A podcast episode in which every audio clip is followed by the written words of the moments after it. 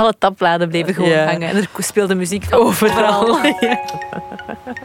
Ik was echt last in mijn hoofd. Ik zag het. Ik voelde me echt zo'n vrouw die zo in een doolhof aan het rondlopen was. Nee, hier is de uitgang hier is de uitgang ook niet.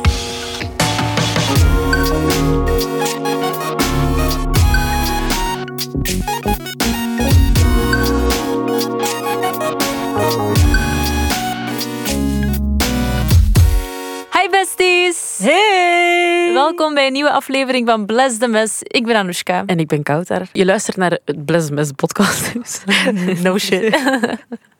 In deze podcast hoor je ons, twee beste vriendinnen, die eigenlijk een beetje praten over het leven en dingen die mensen ons nooit verteld hebben. Dingen die we zelf hebben moeten ontdekken tijdens het leven van ons leven. The hard way. Mhm. Over Bless the Mess gesproken, heb jij nog messy momenten gehad deze week? Ik heb deze week een, een, een snelheidsboete gekregen. Oh my god. En ik denk dat ik net opnieuw ben geflitst onderweg. Nee. Ja, ik was aan het meezingen met een 1975. Het was echt zo een mega nice nummer. En ik ben verliefd op Maddie Healy, dus ik was er echt in aan het opgaan. En ehm, ik was ook gewoon blij, omdat ik goed nieuws had gekregen. Dus I was just living my life. En voordat ik het wist, zei ik ineens dat ik een flitspaal was gepasseerd aan 120 op een weg waar ik maar 100 mocht. Nee. Dus, ehm, Ja, ja. het ding is als je zo met muziek eh, op aan het rijden bent, dan... Ik heb dat soms ook, dat je ineens denkt, ah fuck, ik ben te snel aan het rijden. Ja. Maar je dan even niet meer aan het opletten bent. ja, exact. Maar weet je, het is niet erg, want ik was gelukkig. Oké, En dat is wat ik ga onthouden als die boete komt. oké, dat is goed. Ehm, ik ben trouwens niet de enige met, met positief nieuws bij wie dat de eh, mes geblest wo- wordt. Ehm, een tijdje geleden had bestie Ide eh, ons via Instagram een foto gestuurd dat haar kat haar had gekrapt. Maar ze had echt zo'n hele schram op haar linkerwang, maar het is echt neig. Oh, poor girlie. Ja. ehm, ze zei, ik kon mijn hoofd tegen hem leggen om te knuffelen, maar hij dacht daar anders over. en nu stuurde ze eh, ergens deze week een foto terug van haar gezicht terug. En ze zei, ja, je ziet het eigenlijk niet meer. Het is eigenlijk zo goed als weg. Oh, wow. Dus kijk, eind goed, al goed. En eh, het levert je een bestiebandje op. Ja! Als je ook graag een bestiebandje wil, dan mag je altijd je messi momenten delen in onze DM's van Instagram. Of iets posten en ons taggen, story, op de feed. Het maakt eigenlijk niet uit. Exact. En dan maak je kans op een bandje. En daar kan je misschien ook iets anders mee winnen. Ooit. Zoals dat we vorig seizoen hadden gedaan met ehm, een Bless the Mess meeting. Dus Ja. ja, Alright, we gaan door naar de aflevering van Today. En eh, deze keer gaat het over rekening houden met anderen. Ja, zo breed mogelijk eigenlijk. Ja. Ehm,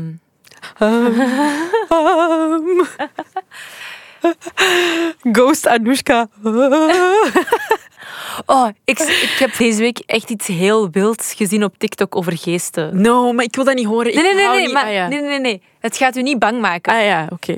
Ehm, Are you sure? 100 procent. Het was, het was zo een man die zei: Ik ga hier veel ophef mee veroorzaken, maar geesten zijn, kunnen mensen geen kwaad doen. Want als dat effectief zo was, was er geen enkele Caucasische persoon meer overgebleven op deze aarde. En dan bedoelde hij de slavernij, uiteraard. Ja, of course. en ik denk dat hij gelijk heeft. Dus ik heb dat gewoon zo aanvaard. It is what it is. The logic is logicking. And the ghosts aren't ghosting. Of misschien... The men wel. are ghosting, but that's a whole other story. Ja, dat is nog een ander verhaal. Ah.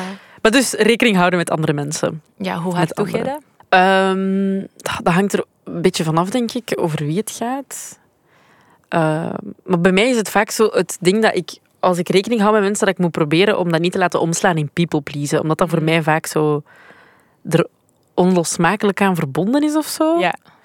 Ehm, maar ik probeer wel, pak nu bijvoorbeeld dat eh, we een aflevering van Bless the Mess moeten opnemen of zo, en ik weet dat jij een heel drukke periode hebt, of jij wilt eh, een moment rust of zo, dan zorgen we er wel voor dat we- dat lukt dat we voor of na die periode dan pas afleveringen beginnen op te nemen of zo.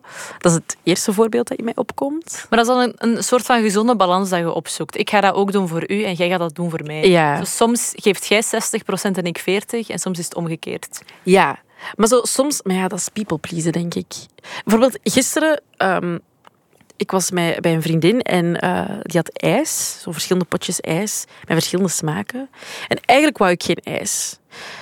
Maar en als ik dan toch een ijsje zou nemen, dan zou ik chocoladeijs nemen. Maar die zei, je moet echt citroenijs proeven. En dan dacht ik, ah ja, oké, ik ga citroenijs proeven. Dus ik had dan citroenijs. Maar dat is niet rekening houden met, dat is gewoon... Dat is Laat- gewoon over je grenzen laten gaan. Vergeet wat ik zei. Vergeet wat ik zei. Oké, delete. Dit slaat nergens op.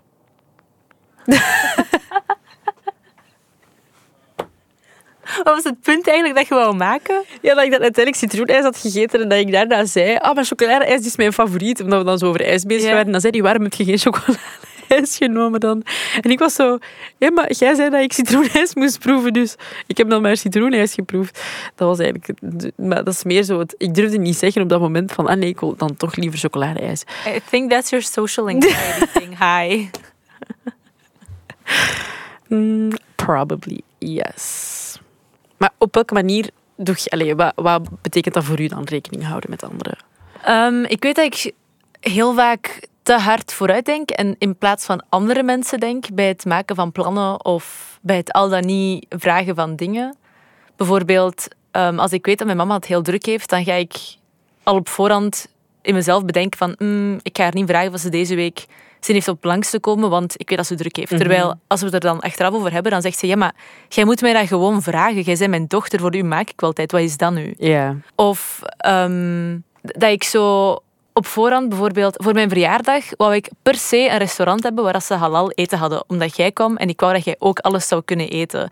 Maar dat was veel te last minute en het was voor een heel grote groep dat ik moest zoeken. Dus alle plekken waar ze halal eten hadden, waren al volzet.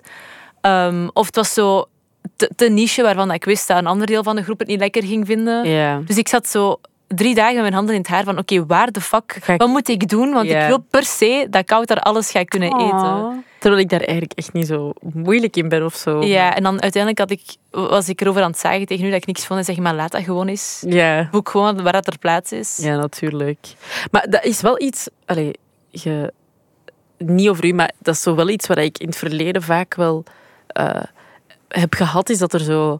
eh, als je halal eet of veggie eet of zo, dat er zo nooit een alternatief... Zo op school of zo, Mhm. was altijd heel moeilijk. Zo dan bijvoorbeeld, dan werd er een slaatje met kip gegeten, gegeven. Ik zeg nu maar iets als je op driedaagse gaat of zo. En dat was zo, ah ja, en voor de veggies, ah ja, gewoon zonder kip.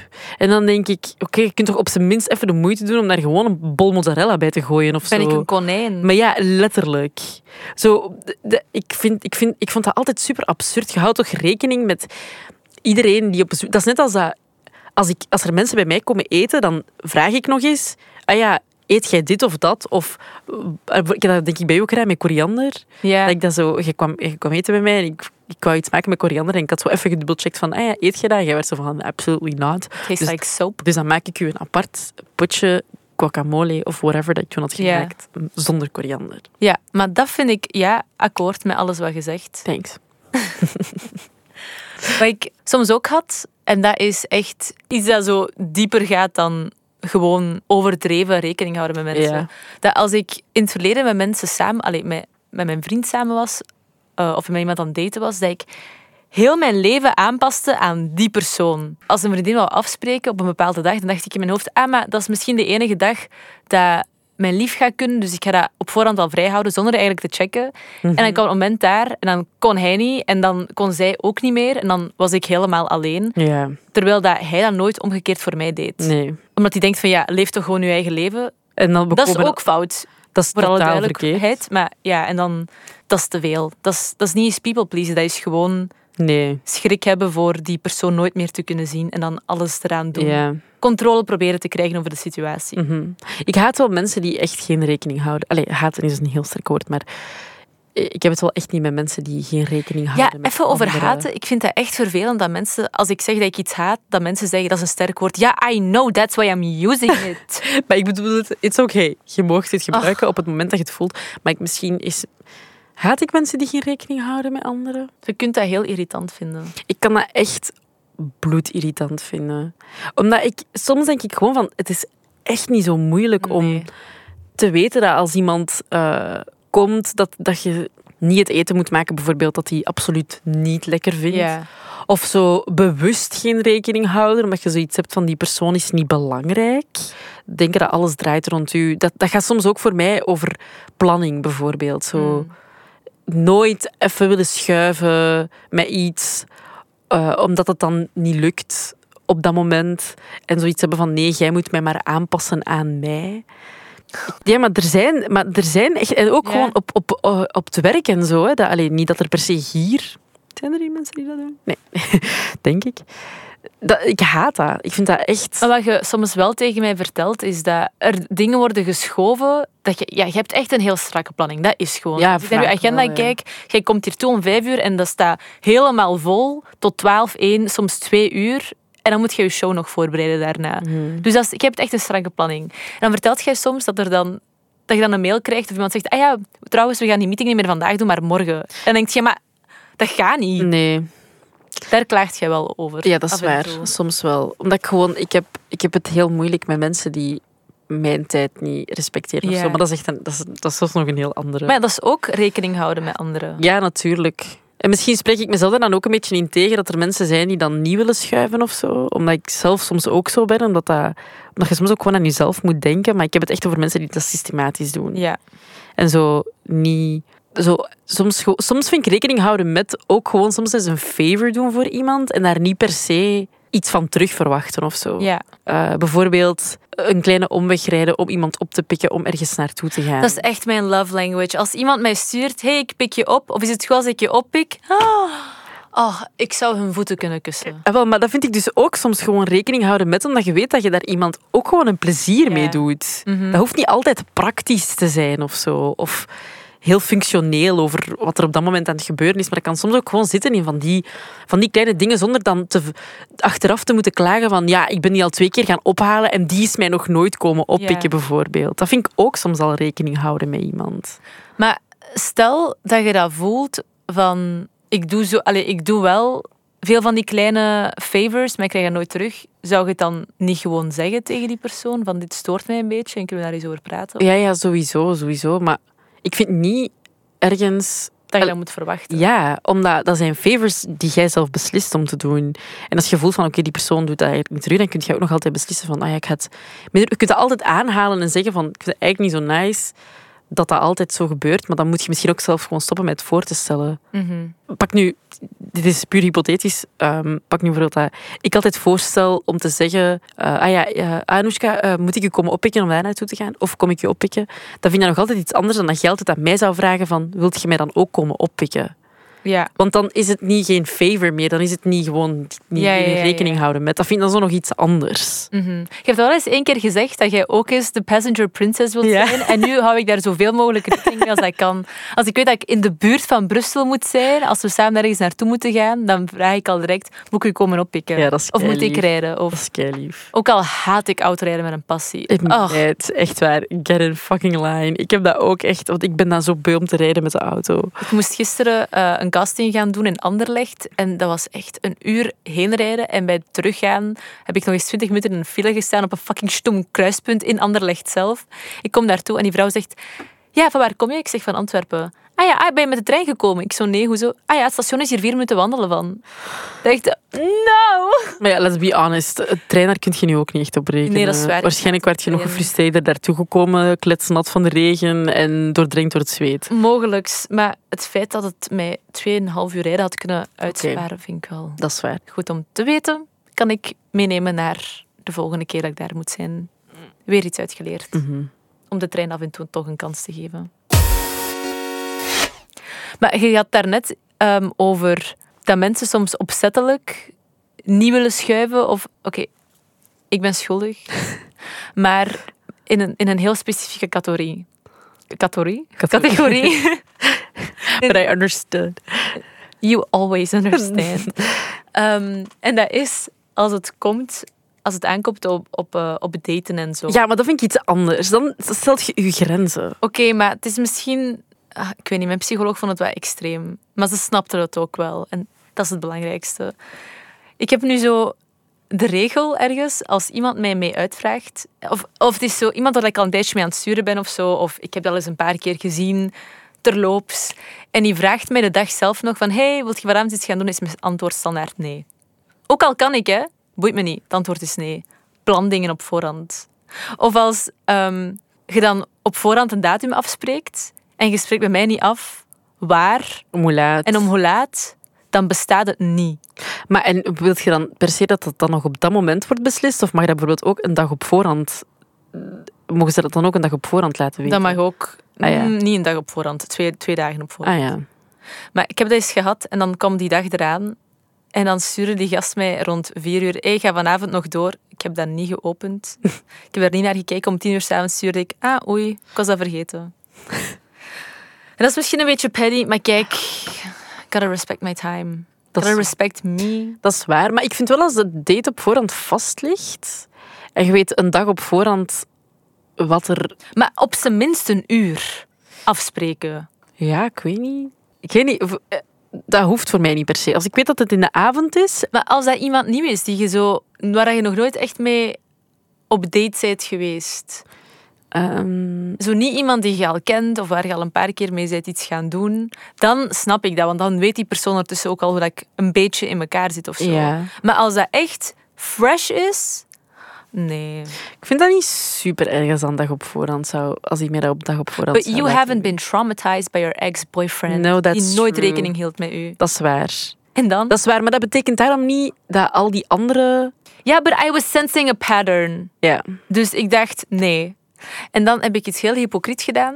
Ehm, uiteraard hebben we daarna nooit meer afgesproken. Nadat ik dus had gecanceld. Vijf uur later, nadat de date zou moeten plaatsgevonden hebben, ehm, waren wij opnieuw somehow beginnen sturen. En dan de dag erna zei hij nog iets grappigs. En ik dacht, hmm, hey, heb je al plannen vanavond? Je hebt gewoon, het, je, hebt gewoon I de Uno reverse cards I know, and it felt so good. En hij kon. En het was eigenlijk leuk. En de tweede date was kut. En nu praten wij niet meer. Maar dat is niet erg. Dus ja. Maar dus eigenlijk had het er wel goed uitdraaien als je gewoon de avond zelf nog zou gaan. Maar ik vind ook niet, dat is toch niet altijd zwart-wit van, ah, je hebt geen respect voor mijn tijd, want dat kan soms ook gewoon voor die persoon een ingeving zijn of zoiets van, oké, nu ga ik het vragen of dat hij vanavond iets wil doen. Je hebt gelijk. Maar Maar ik snap ook, ik snap uw punt ook wel. ja, het is Ik nu snap het wel. wat Ik zou ook, als ze mij de dag zelf zouden vragen, dan zou ik ook geen ja zeggen, denk ik. Waarom? Maar ik weet niet, dat, is, maar dat heeft meer te maken met, ehm, niet met, oh my god, je vraagt mij dat nu pas, maar meer met, Het komt je nu het beste uit. It's on your terms. Dat is wat dat het bij mij triggert. Nee, bij mij is het zo meer ik een soort van. eh, meestal heb ik wel een idee van wat ik in de avond, allee, wat ik die dag ga doen. En dan klopt dat niet met wat ik in mijn hoofd heb. Snap je wat ik bedoel? Als er al plannen staan en die worden gecanceld, dan vind ik het niet erg in mijn hoofd om dan gewoon thuis s'avonds te chillen, want dan is het gewoon plannen die weggevallen zijn. Maar als ik andere, als ik weet dat ik, ah, ik ben gewoon thuis vanavond en eigenlijk heb ik in theorie heb ik wel tijd, maar ik had in mijn hoofd om andere dingen te doen. Bijvoorbeeld, ah, ik wil vanavond naar een film kijken. Of eh, ik had gepland om vanavond te koken en, en, en gewoon Ja. op mijn gemak te chillen of zo. Dan vind ik het heel moeilijk om die plannen die ik met mezelf heb gemaakt los te laten, om dan met iemand anders af te spreken. Ja, dat snap ik. Dat, dat was wat ik wou Ja, dat snap ik.